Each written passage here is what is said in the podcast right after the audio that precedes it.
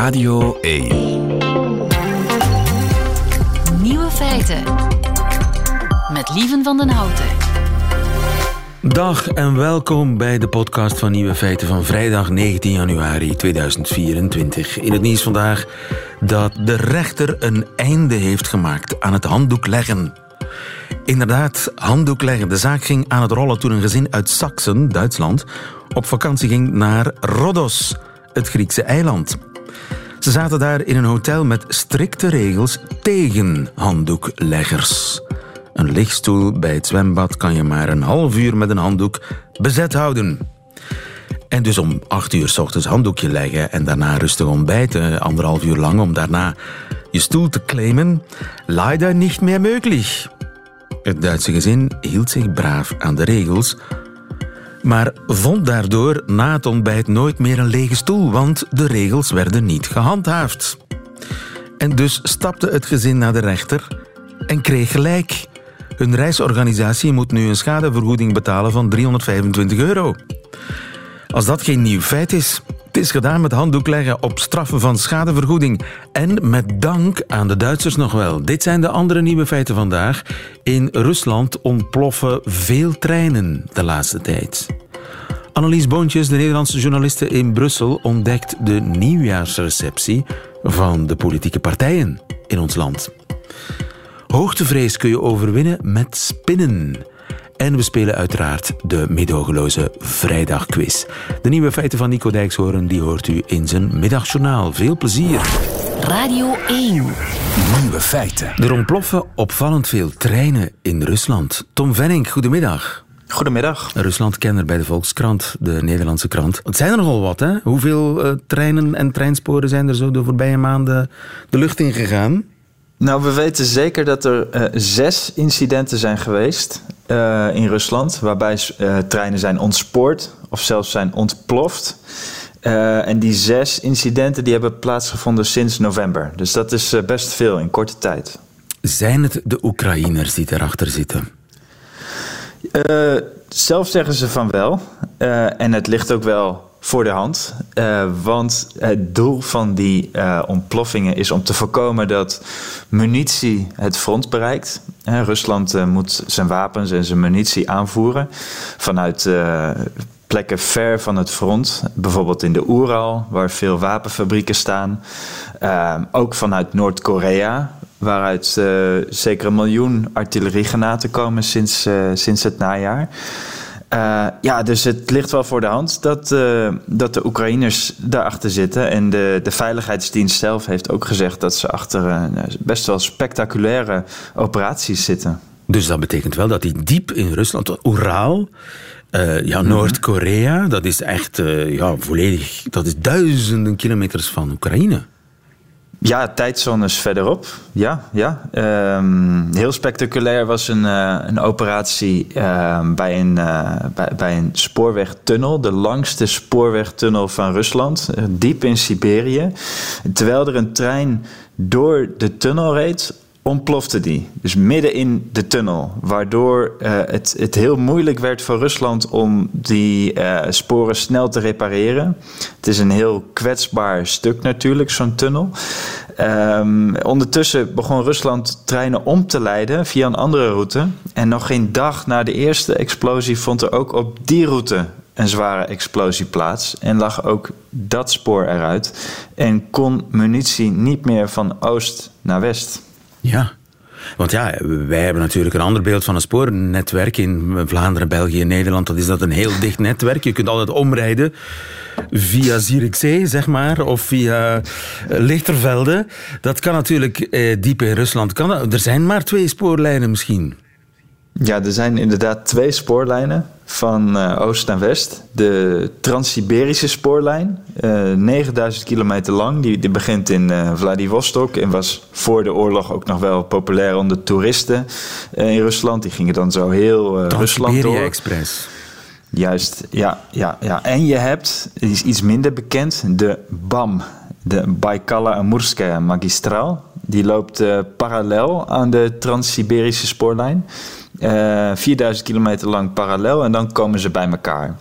Uh, en dat zijn de enige twee lijnen die het oosten met het westen verbinden. Dus als je ergens op in die duizenden kilometers een breukje kan veroorzaken in de rails, ja, dan, dan komt de munitie niet meer aan het front. Dat is echt een zwakke plek. Ja, dat is een heel zwakke plek van Rusland. En dat weten ze ook. Uh, dus ze doen er van alles aan om te voorkomen dat saboteurs um, uh, de, de, sporen gaan saboteren. Bijvoorbeeld door heel hoge zware, uh, heel hoge straffen op te leggen aan saboteurs. Poetin heeft een wet getekend waardoor mensen zelfs levenslang de gevangenis in kunnen gaan voor het saboteren van een stukje spoor. Um, er hangen ook waarschuwingen langs, de, langs uh, kwetsbare punten van het spoor. Bijvoorbeeld bij grote kasten waar de techniek in zit voor de beveiliging van de spoorlijnen. Daar staat in grote blokletters op. Uh, op sabotage staat 10 tot 20 jaar of zelfs levenslang. Um, maar de sabotage die gaat door. Ja, dus dat betekent dat die Oekraïners ongezien toch bij die sporen kunnen geraken, dat die ongezien in Rusland kunnen rondlopen. Ja. Ja, ja, ja, we weten veel niet hoe ze precies te werk gaan. Um, ja, we, we, we, weten niet hoe ze dat precies doen. Misschien betalen ze uh, uh, lokale mensen, die, ze Russen, om dit te doen. Misschien hebben ze zelf agenten uh, diep in Rusland. we weten het niet precies. Ja. Nu, hoe blijvend is die schade? Ja, als er in een tunnel een trein ontploft, als dat bij ons gebeurt, ja, dan zijn er gedurende 15 jaar werkzaamheden. Volgens Rusland uh, is er uh, niks aan de hand. Leidt zo'n ontploffing tot minieme vertragingen. Ehm, meestal is binnen een dag, binnen een dag rijdt alles weer, zeggen zegt ze. Rusland. Zeggen ze. Zegt, ja, dat zeggen Russische staatspersbureaus. En we weten niet of we die kunnen vertrouwen. Um, Oekraïne zegt dat die, dat die tunnel die ze hebben geraakt, dat die er maanden uit ligt. Uh, ja, Rusland zegt het andere. Het, het moeilijke is dat we niet zelf even kunnen gaan kijken. Uh, want verslaggeving ter plekke is, is heel moeilijk geworden in Rusland. Ja. Nou, ik, ik ben zelf Rusland uitgezet. Uh, een collega van mij die een verhaal wilde maken, uh, Evan Gershkovich, een Amerikaanse verslaggever voor de Wall Street Journal. Die is opgepakt toen die in, in de Oeral een, een reportage wilde maken over de defensieindustrie. Ja, en zit nog steeds vast. Dus het is heel moeilijk geworden om dat soort informatie te, te controleren. Ja, maar, maar op een gegeven moment dankzij moet... internet... Ja, ja, zeg maar. Dank, nou, dankzij openbare informatie op internet kunnen we toch wel veel zien. Bijvoorbeeld deze, van deze uh, explosies zijn vaak wel beelden. Dus je ziet vuurzeeën. Je kunt vanaf met een satelliet kun je inzoomen op, op zo'n stuk spoor. Dus we, we kunnen nog wel wat. Ja. En op een gegeven moment moet die aanvoer, ja, als de twee, de twee aorta's, zeg maar, die die munitie naar Oekraïne moeten brengen, uh, doorgeknipt zijn, ja, dan moet op een gegeven moment die aanvoer stokken. Dat moeten we dan toch ook zien? Ja, of die moet via de, via de lucht gaan. Dat, dat is uh, ook een optie, maar veel kostbaarder. Um, en ja, ik denk wel dat uh, Rusland zeker problemen ervaart van dit soort uh, sabotageacties. Maar ook daar weten we niet zoveel van, omdat de kant achter het front, dus de Russische kant, ja, heel moeilijk te, te beschrijven is, omdat we er geen kijkje kunnen nemen. Ja, maar goed, de Oekraïners zijn nog niet verloren en geven het nog niet op en kunnen Rusland raken diep op Russisch grondgebied, kennelijk. Ja, ja, en niet alleen uh, diep op Russisch grondgebied, ook uh, in bezet gebied weet Oekraïne best wel zware aanvallen uit te voeren. Bijvoorbeeld uh, eerder deze week boven de zee van Azov, die door Rusland ja, effectief bezet is. Daarboven wist Oekraïne deze week twee vliegtuigen uit de lucht te schieten. Waaronder een, uh, ja, een heel geavanceerd spionagevliegtuig van Rusland. En ook nog een, een vliegend commandocentrum. Uh, ja, dat zijn toch wel aanvallen die laten zien dat Oekraïne uh, nog in staat is om Rusland te raken. Ook al hebben ze op dit moment een tekort aan conventionele wapens. Tom Venning houdt het voor ons in de gaten. Waarvoor dank. Tom Venning, Ruslandkenner bij de Volkskrant. Dankjewel en goedemiddag. Goedemiddag. Nieuwe feiten. De ontdekking van België. Want daarvoor is ze gekomen, Annelies Bontjes, uh, Nederlands journaliste in Brussel, correspondent uh, België voor de Nederlandse krant Trouw. Goedemiddag. Goedemiddag. Wat heb je deze week geleerd? Wat heb ik deze week geleerd? Wat heb ik deze week ontdekt? Ik heb de nieuwjaarsreceptie ontdekt. De nieuwjaarsreceptie. Ja. Dat is voor jou een nieuw feit. Het was weer een nieuw feit. Ja, het was de week van de nieuwjaarsreceptie Tuurlijk. volgens mij. Je ontkomt er niet aan. Ja?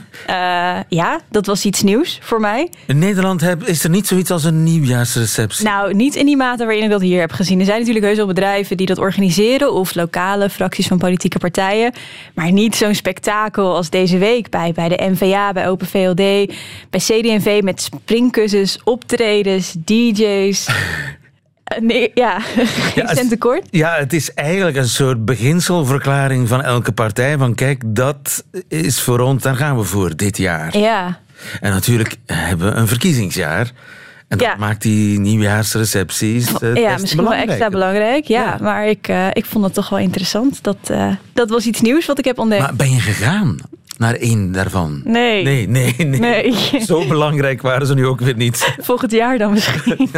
en wat is jou nog verder daarbij opgevallen dan? Ja, nou, er viel ook nog iets anders op. Want bij de, nou, de nieuwjaarsreceptie van CD&V... die kregen wel een beetje een... Uh, een naar tintje. Uh, er was toen een foto geplaatst van iemand die daar, te, die daar was op die receptie, een Brusselse advocaat.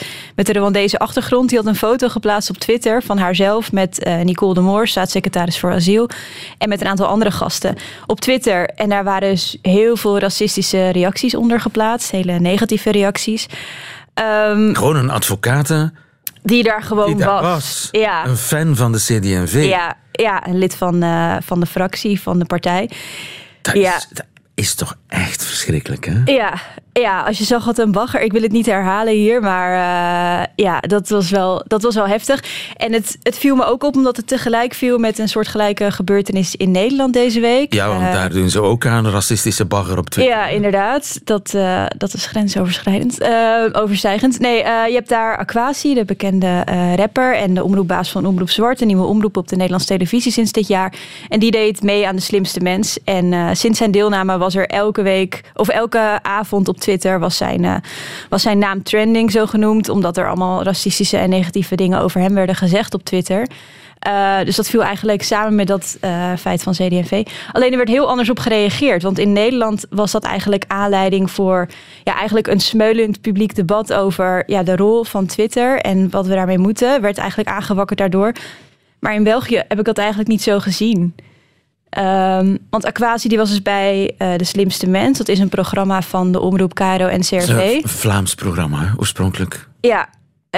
Um, wist, en dat wist je toch? Dat wist ik zeker, ja. ja, ja, Ik vind het ook hier uh, iets leuker, moet ik zeggen. Nee. Uh, maar goed, het was aanleiding voor Aquasi om van Twitter af te gaan. En ook voor Caro en CRV. die dus daar werd op gereageerd op racistische bagger. Ja. Naar aanleiding van um, optreden Klopt, ja. Die zeiden, uh, wij staan als Caro en CRV voor een samenleving waarin we in harmonie samenleven. Een sociaal mediakanaal dat aan zijn gebruikers alle ruimte lijkt te geven voor polarisatie en racisme past daar niet meer bij. Uh, dat is een belangrijke openbare omroep in Nederland. Ja, een van de grootste. Terug. Trekt zich terug, ja. En, Wil uh, niks meer met Twitter uh, te maken hebben. Nee, en zij werden ook gevolgd door de hoofdredacteur van Follow the Money, een belangrijk onderzoeksplatform. En je zag ook dat de hele week verschillende mediaplatforms, ook de NOS, maar ook kranten als NRC, de Volkskrant, zich allemaal verantwoorden voor waarom ze wel of niet nog gebruik maakten van Twitter en op welke manier. En ook wat we daarmee moeten willen met z'n allen. En ik mis dat publieke debat een beetje hier in België. En ik denk, en nu kunnen misschien Je mensen had verwacht, naar aanleiding van zo'n racistische ruil... naar aanleiding van een selfie met gewoon een gekleurde advocaat... op een ja. nieuwjaarsreceptie van uitgerekend de CD&V... Ja. Maar dit kwam er niet. En, maar deze week is wel Sami Medi uh, van Twitter weggegaan. Daarom? Niet daarom, maar dat viel, dat viel tegelijk samen. Uh, hij was het... Daar heb ik eigenlijk weinig van gehoord. Precies, en daar gaat het mij om dat is toch ja, een heel prominent politicus. En daar gebeurt eigenlijk verder niks mee. Ik heb het wel voorbij zien komen, maar eigenlijk niet echt. En ik denk dat misschien veel mensen denken, ja, ik zit zelf niet op Twitter. Wat, wat, wat heb ik er dan aan? Of, of het gaat mij misschien niet aan. Maar het gaat je wel aan.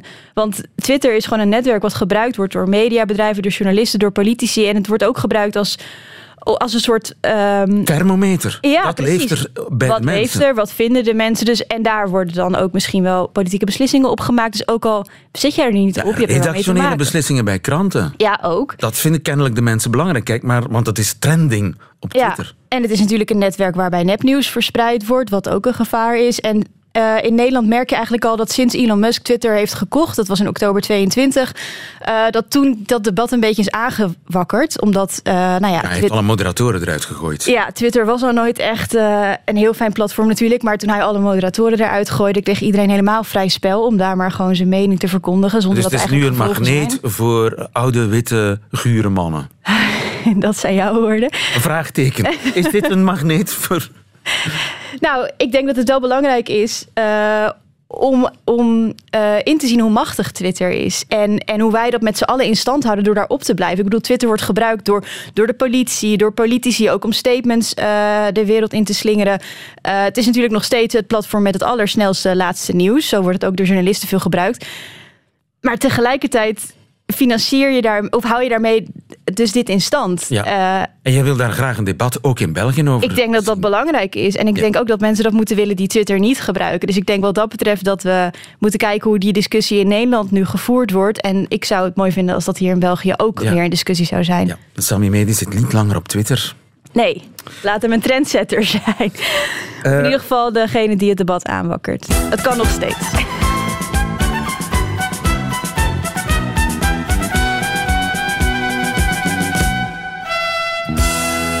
Examen Vlaams. Ja, je vertelde mij net dat jij eh, eh, een woord geleerd hebt. Ik heb een woord geleerd. Ja, wat heb je geleerd? Wat, hoef ik eh, niet meer te vragen?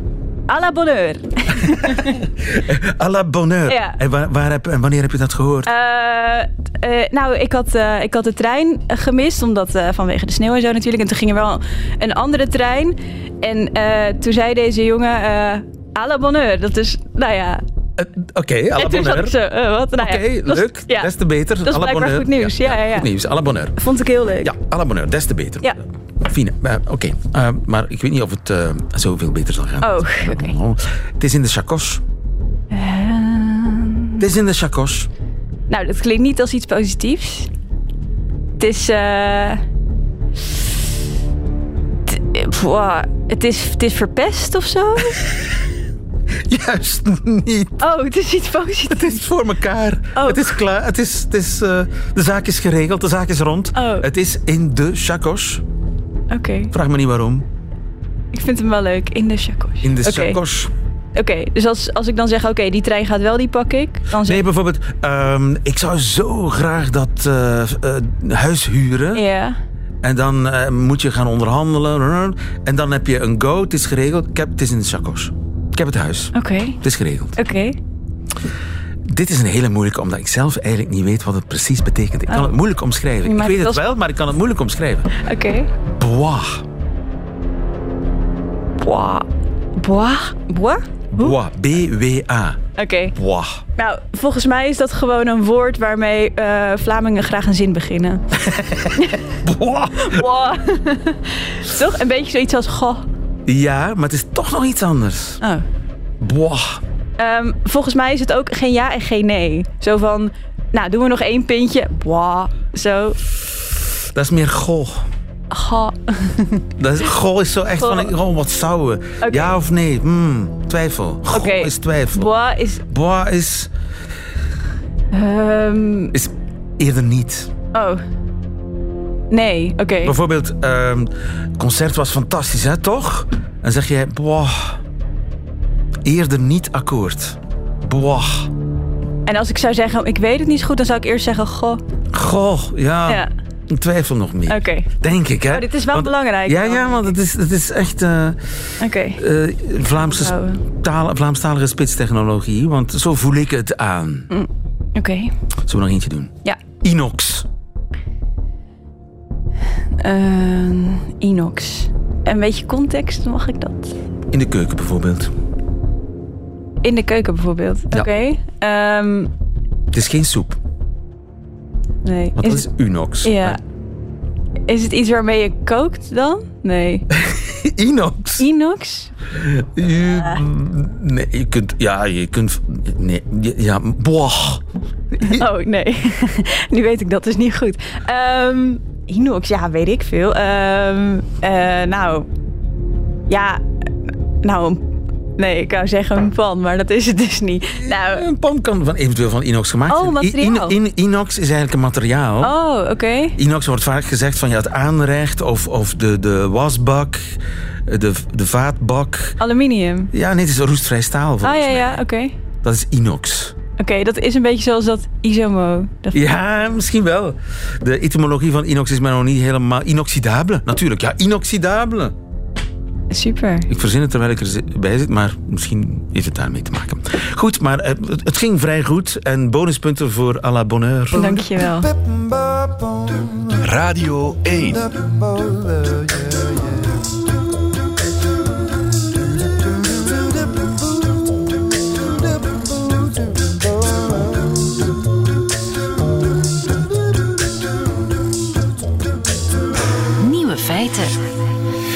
In Duitsland zijn ze erin geslaagd om mensen met hoogtevrees te helpen. Door hen een spin te laten aanraken. Inderdaad, Tom Bekkers. Goedemiddag. Dag lieven. Cognitief psycholoog aan de Universiteit van Leuven. Het klinkt als een domme mop. Maar het is waar. Het is, nog waar Het is ook. absoluut waar, ja. Dus een spin aanraken en je bent van je hoogtevrees af. Het zit iets ingewikkelder dan dat. Maar inderdaad, eh, de onderzoekers zijn erin geslaagd om mensen in zekere mate te behandelen voor hun hoogtevrees. Door ze een behandeling te geven voor een andere angst waar ze ook mee zaten, namelijk een spinnenfobie. Oké, dus het werkt alleen bij mensen die en hoogtevrees en spinnenfobie hebben.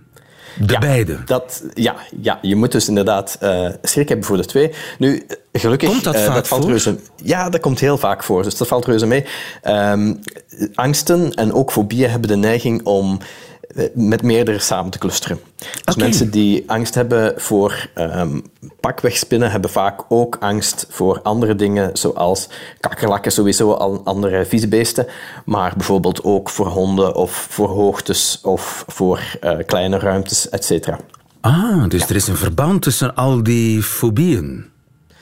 Eh, er is in ieder geval, eh, wat we kunnen zeggen, een grote comorbiditeit, zoals dat dan met een technische term heet. Ze komen heel vaak samen voor. Ja. Maar, en je kunt ze kennelijk ook samen oplossen. Dat is nu gebleken. Ze hebben dat ge- geëxperimenteerd. Ze hebben daarmee geëxperimenteerd. Ja, dus wat die onderzoekers gedaan hebben, onderzoekers van de Universiteit van Bochum in Duitsland, is om die mensen die dus aangaven dat ze zowel spinnenangst als hoogtevrees hadden, om die een behandeling te geven voor hun spinnenangst. Dus hoe dat eruit ziet, is ze laten die mensen eerst een keer eh, naar het labo komen en ze gaan eerst een testje doen om te kijken hoeveel eh spinnenangst die mensen precies hebben en hoeveel hoogtevrees. Dus voor die spinnenangst ehm, moesten die mensen een kamer binnengaan waar een spin van achter in de ruimte in een terrarium zat en moesten ze zo snel mogelijk, zo dicht mogelijk naar die spin gaan. En dan werd er gemeten hoe dicht ze durfden gaan. En dan werd er ook aan het eind gevraagd hoeveel angst heb je nu op dit moment. En dat was de, de basislijnmeting, om te kijken hoe angstig ze waren. En om hun hoogtevrees te meten, werden ze een eh, dichtbijzijnde kerktoren opgestuurd. En werd er opnieuw gekeken hoe hoog durfden die mensen gaan. En aan hun eindpunt, hoeveel angst hadden ze daar. Aan de binnenkant van de toren toch, hè? niet de buitenkant beklimmen. Eh, De binnenkant van de toren, maar dat was zo'n toren dat als je hoog genoeg kwam, dat je op een bepaald moment echt het hele, eh, helemaal in de diepte kon kijken. Dus echt wel een, een goede setting voor mensen met hoogtevrees. Alright, en dus dan heb je in kaart hoe bang de, Ja. eh, ja, de patiënten, zeg maar, de deelnemers aan het eh, experiment, hoe bang die zijn voor beiden. Ja. En dan gingen ze daarna dus selectief die spinnenangst behandelen. Met een, een, een geprotocoliseerde behandeling, dus heel gestructureerd, één enkele sessie. Dat is vaak genoeg voor dit soort van enkelvoudige angsten, fobieën, zoals een, een eh, spinnenangst. Die kan je eigenlijk in één gedegen sessie heel goed behandelen. Wauw, dat, Dus dat dat, dat wist ik eigenlijk helemaal niet. Ja. En dat Ja, is een soort eh, dus confrontatietherapie, of hoe zit dat? Dat is confrontatietherapie, exposure behandeling, zoals dat dan heet. Dus mensen moeten die kamer met die spin binnengaan. En dan ehm, volgen er allemaal stapjes. En, elk stapje wordt eerst voorgedaan door de behandelaar. En vervolgens moet de deelnemer het zelf doen. Dus eerst eh, moeten ze naar die spin kijken. op een afstand van anderhalve meter. Die zitten in een glazen bokaal. En dan moeten ze dichterbij gaan, op 30 centimeter afstand kijken. Daarna moeten ze een hand op die bokaal plaatsen, twee handen op die bokaal. De, de, de bokaal open doen, er naar kijken, die spin in een plastic bakje schudden en, en er naar kijken, met een penseel, met een, met een eh, potlood aanraken, met een handschoen aanraken. En uiteindelijk eindigt het ermee dat die spin over de hand van de deelnemer moet lopen. Ja, hoor ik veel mensen tot hier uh, rillen, maar eigenlijk merken die mensen dan, oh, helemaal niks aan de hand. Helemaal niks aan de hand is misschien wat veel gezegd. Dat kost hun heel veel moeite en heel veel angst. Maar op twee uur tijd zijn de meeste mensen inderdaad in staat om helemaal tot aan die laatste stap te geraken, zonder dat dat nog een, een overweldigende angst uitlokt. En dat blijft En zo. is de behandeling in principe klaar. Dat, het resultaat is blijvend.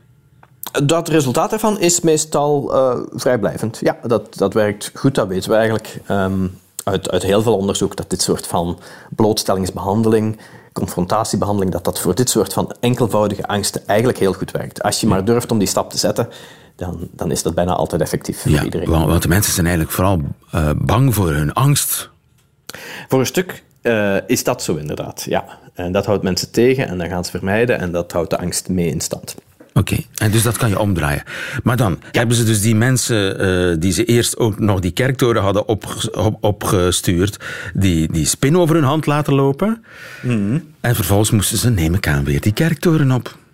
Ja, dus dan komen ze allemaal een week later terug en dan wordt er opnieuw gekeken hoe angstig ben je nu nog voor spinnen. En hoe angstig ben je nu nog voor hoogtes? Hoeveel hoogtevrees heb je nog? En dan blijkt dus inderdaad dat die behandeling reuze effectief is geweest voor de spinnenangst. Uh, als mensen opnieuw zo snel mogelijk naar zo'n spin moeten toelopen en dan aangeven hoe angstig ze zijn, dan durven ze veel dichter gaan nu en zijn ze minder angstig. Allemaal heel mooi. Maar als je dan terug de kerktoren opstuurt, dan blijkt ook dat ze opeens hoger die kerktoren op durven gaan. En aan het eindpunt uh, waar ze dan stoppen, um, if anything, minder angst ook hebben dan ze eerst hadden op hun wow. vroegere stoppunt. En zou het ook omgekeerd werken dat je bijvoorbeeld eerst uh, de therapie voor de hoogtevrees krijgt en dat vervolgens dan de spinnentherapie overbodig wordt? Ha, ik vrees van niet eigenlijk, lieven. Um, ja, daar, daar zijn twee redenen voor. Um, en dan gaat het er ook een beetje over van waarom werkt dat nu eigenlijk? Hè? Waarom helpt die behandeling voor je spinnenangst ook voor je hoogtevrees? Een stuk van het verhaal is inderdaad, zoals je eerder al aangaf, mensen hebben eigenlijk gewoon schrik voor hun angst, angst voor hun angst. En die exposurebehandeling laat mensen zien van, eigenlijk hoef ik geen angst te hebben voor mijn angst en ik kan wel angstig zijn en toch dingen doen. En dus dat, dat generaliseert een beetje ook naar andere situaties mm-hmm. waarin je je angstig voelt, dat je toch doet, dat je toch doorzet.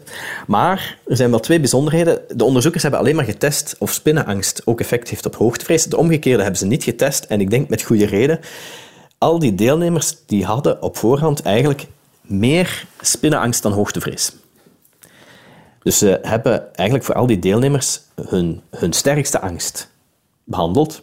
En ze zien dan dat dat ook gunstige effecten heeft op hun minder ernstige angst. Het omgekeerde zou wellicht niet waar zijn. Als ik jou behandel voor iets waar je niet zo heel veel schrik voor hebt, dan gaat dat wellicht niet heel veel doen voor iets waar je panisch voor bent. Oké, okay, dus je moet de sterkste angst behandelen. Wellicht. Plus, daar komt bij, spinnenangst is, is wel een beetje een, een aparte fobie in die zin dat er in spinnenangst vaak ook iets anders speelt dan alleen maar pure angst. Daar speelt ook een aspect van walging in mee. Dus mensen met, met een spinnenfobie, als die een spin zien, dan hebben die niet alleen maar schrik, maar dan hebben die ook echt een gevoel van, bah, wat een vies eng beest. Um, en en die, die hebben dat bijvoorbeeld dan ook, ja, een beetje zoals wij allemaal um, hebben met kakkerlakken bijvoorbeeld. Dat ja. hebben die mensen ook met spinnen. Ja. En dus die component van walging, die blijkt ook echt wel een belangrijke rol te spelen in spinnenangst. En dat speelt helemaal niet in hoogtevrees. Ja. Dus als je hoogtevrees zou behandelen, ja, dan ga je wel iets met die angst doen, maar je gaat helemaal niks doen met die walging. En dus blijft dat die gaat walging in stand blijven. Ja, ja, ja. Maar zou, gekke vraag, zou je bijvoorbeeld vliegangst ook kunnen overwinnen door spinnenangst te overwinnen? Wellicht dus voor een stukje wel, ja. Dat denk ik wel. Dus uh, vliegangst lijkt eigenlijk veel meer in zekere zin op hoogtevrees. Dat heeft meer te maken met gewoon het gevoel dat je geen controle hebt over de situatie en dat er allerlei nare dingen zouden kunnen gebeuren. Um, dus dat lijkt heel erg op hoogtevrees. En als je tegelijkertijd ook spinnenangst hebt en je zou daarvoor een behandeling krijgen, dan, ga ik, dan, dan denk ik dat het een redelijke veronderstelling is dat ook je vliegangst daardoor wel wat zal afnemen. Dat is misschien Ik voor, voor een eh, vol- volgend eh, experiment, wie weet. Ja, maar eh, we moeten er ook bij zeggen, het is, het is een beetje een geval van glas half leeg of glas half vol hier. Dus je ziet wel dat het effect van de behandeling voor de spinnenangst generaliseert naar de niet behandelde angst, naar de hoogtevrees in dit geval. Maar tegelijkertijd moeten we erbij zeggen, die hoogtevrees is wellicht niet helemaal weg. Ja, dus dat, dat is niet... Terwijl de spinnenangst bij die mensen wel min of meer helemaal verdwenen is. Ja. Dus je ziet wel wat generalisatie, maar die zal wellicht niet perfect zijn. En dus als je je spinnenangst zal behandelen, dan ga je wellicht toch nog altijd niet helemaal van je vliegangst af zijn. Ook Maar niet. misschien is hij verminderd. Wie weet. Dat wellicht wel. Tom Bekkers, dankjewel. Goedemiddag. Met alle plezier, dag lieve.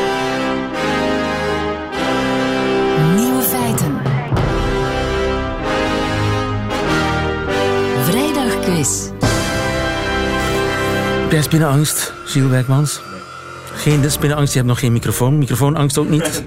Dat ook niet. Oké, dan heb je. Voilà. Goed, Gilles Wijkmans is erbij komen zitten. Dat betekent dat wij een keiharde vrijdagquiz gaan spelen met Sophie van den Bril. Goedemiddag, Sophie. Hallo, Sophie, wat was je aan het doen? het tuinkot aan het opruimen. Het tuinhok aan het opruimen. Je klinkt met een enthousiasme. Nee, nee, dat is wel leuk. Het is mooi weer. Goeie dag ervoor. Oké, leuk. Lode, goedemiddag. Daar spelen we tegen. Goedemiddag. Lode uit Isegem, waar was jij mee bezig? Eh, ik was net thuis aan het komen. Thuis aan het komen. Dat lijkt mij zo'n Ja. in- inspannende bezigheid, Lode. Hoe lang duurt dat, dat thuiskomen? Eh, ik woon eh, wel geteld 800 meter van mijn werk. Wauw, wat een luxe leven, hè. Wat een luxe leven. Lode van Assen uit Isegem en Sophie van den Bril uit Antwerpen. Ik eh, ga jullie kennis testen van nieuwe feiten. Jullie kennen de regels. Laten we eraan beginnen. Sophie, ik begin bij jou. Wat is het favoriete dessert van zangeres Dua Lipa? Chocoladetaart met tomaten. Roomijs met olijfolie. Of sabayon met houtpulp. Mm, roomijs met olijfolie. Wauw. Ja, dat zegt ze in een interview met de BBC. En ja, zout en zoet, dat gaat natuurlijk samen. Hè. Salted caramel, chocolade. Dus ja, ik denk, ik, er zit wel iets achter. Denk wel eens proberen. Ja, maar goede olijfolie, denk ik. Olijfolie met roomijs. Ook vraag 2 is voor Sophie. Waarom kwispelen honden met hun staart? A. Omdat mensen van ritme houden. B. Omdat kwispelende staarten de hondenkonten afkoelen. Of C. Omdat hen dat in evenwicht houdt. Sophie. Mm, omdat wij van ritme houden. Een gok, maar het klopt wellicht. Er is Ja, vol- onderzoek. Ja, inderdaad. Het is een theorie van enkele onderzoekers die die vraag hebben gesteld. Waarom kwispelen honden met staarten? Want wolven doen het niet. En dan denken die onderzoekers van... Ja, dat is ergens in die selectieprocedure gekomen. Misschien omdat mensen niet van luid geblaf houden, maar wel van dat ritmisch gekwispel.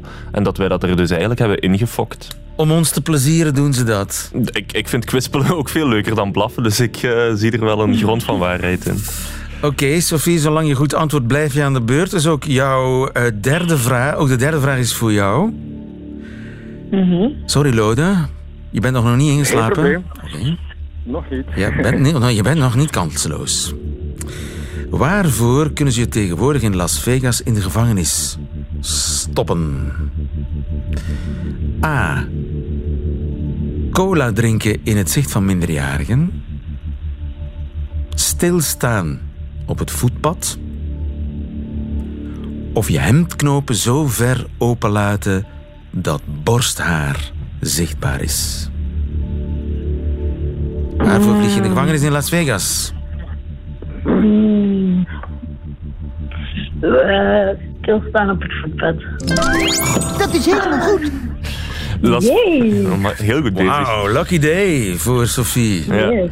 Las Vegas heeft zo van die voetgangersbruggen hè, over de bekende Las Vegas Strip. En van op die voetgangersbruggen kan je, heb je een heel mooi uitzicht over de stad. Dus mensen staan er eens stil om van het uitzicht te genieten en foto's te nemen en noem maar op. Maar dat verstopt het verkeer natuurlijk.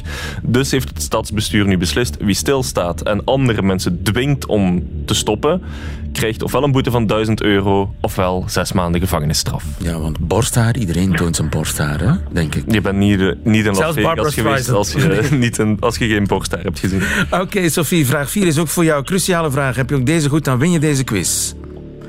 Oké. AI, Artificial Intelligence, artificiële intelligentie, kan uiteindelijk toch nog iets nuttigs. Wat? Een afwasmachine leeghalen, sokken sorteren, putten in de weg vullen.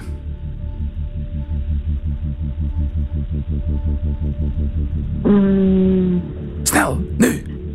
afwasmachine leeghalen. Afwasmachine leeghalen. Dat betekent dat Lode een kans krijgt. Lode, Eh, sokken sorteren. sokken Nee? sorteren. Ook fout. En daarmee is het dus toch gebeurd.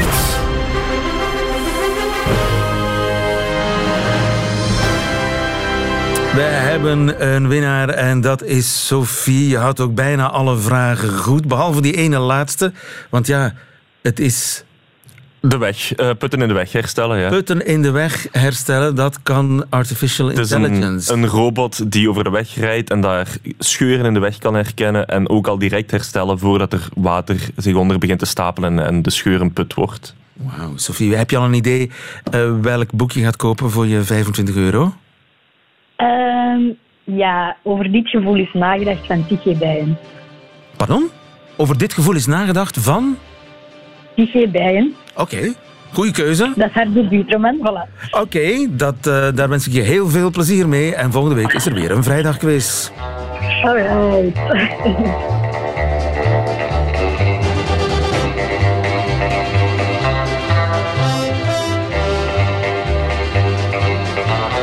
wat gaat de tijd snel, want oh, hij zit al klaar in zijn keuken in Leiden. Onze beroepsbrompot, Nico Dijkshoorn. Dit is zijn middagjournaal. Nieuwe feiten. Middagjournaal.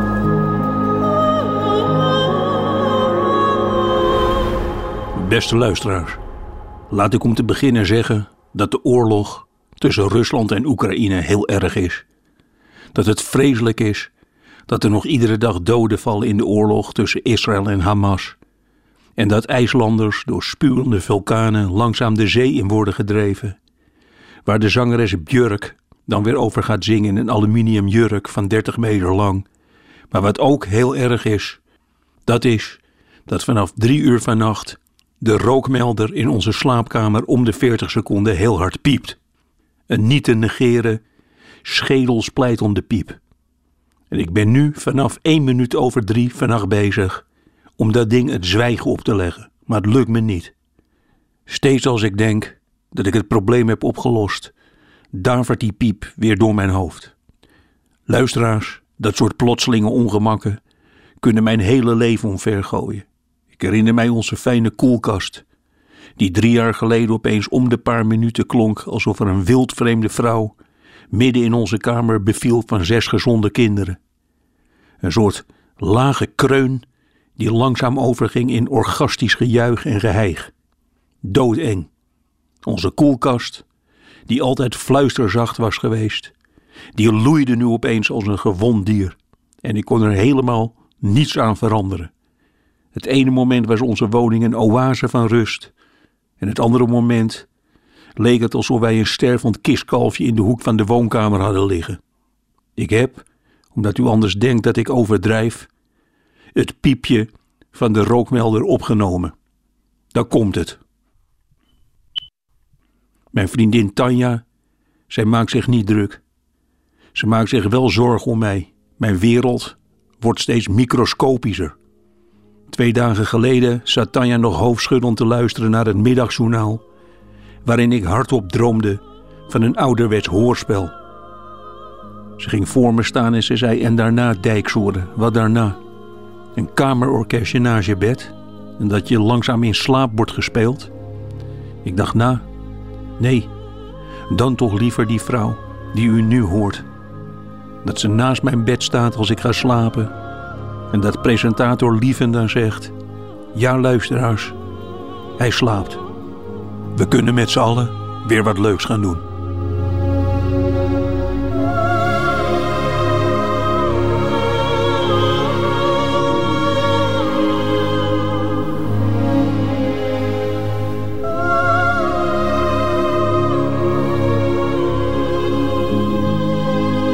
Het middagjournaal van en met Nico Dijkshoorn. Waarvoor dank einde van deze podcast.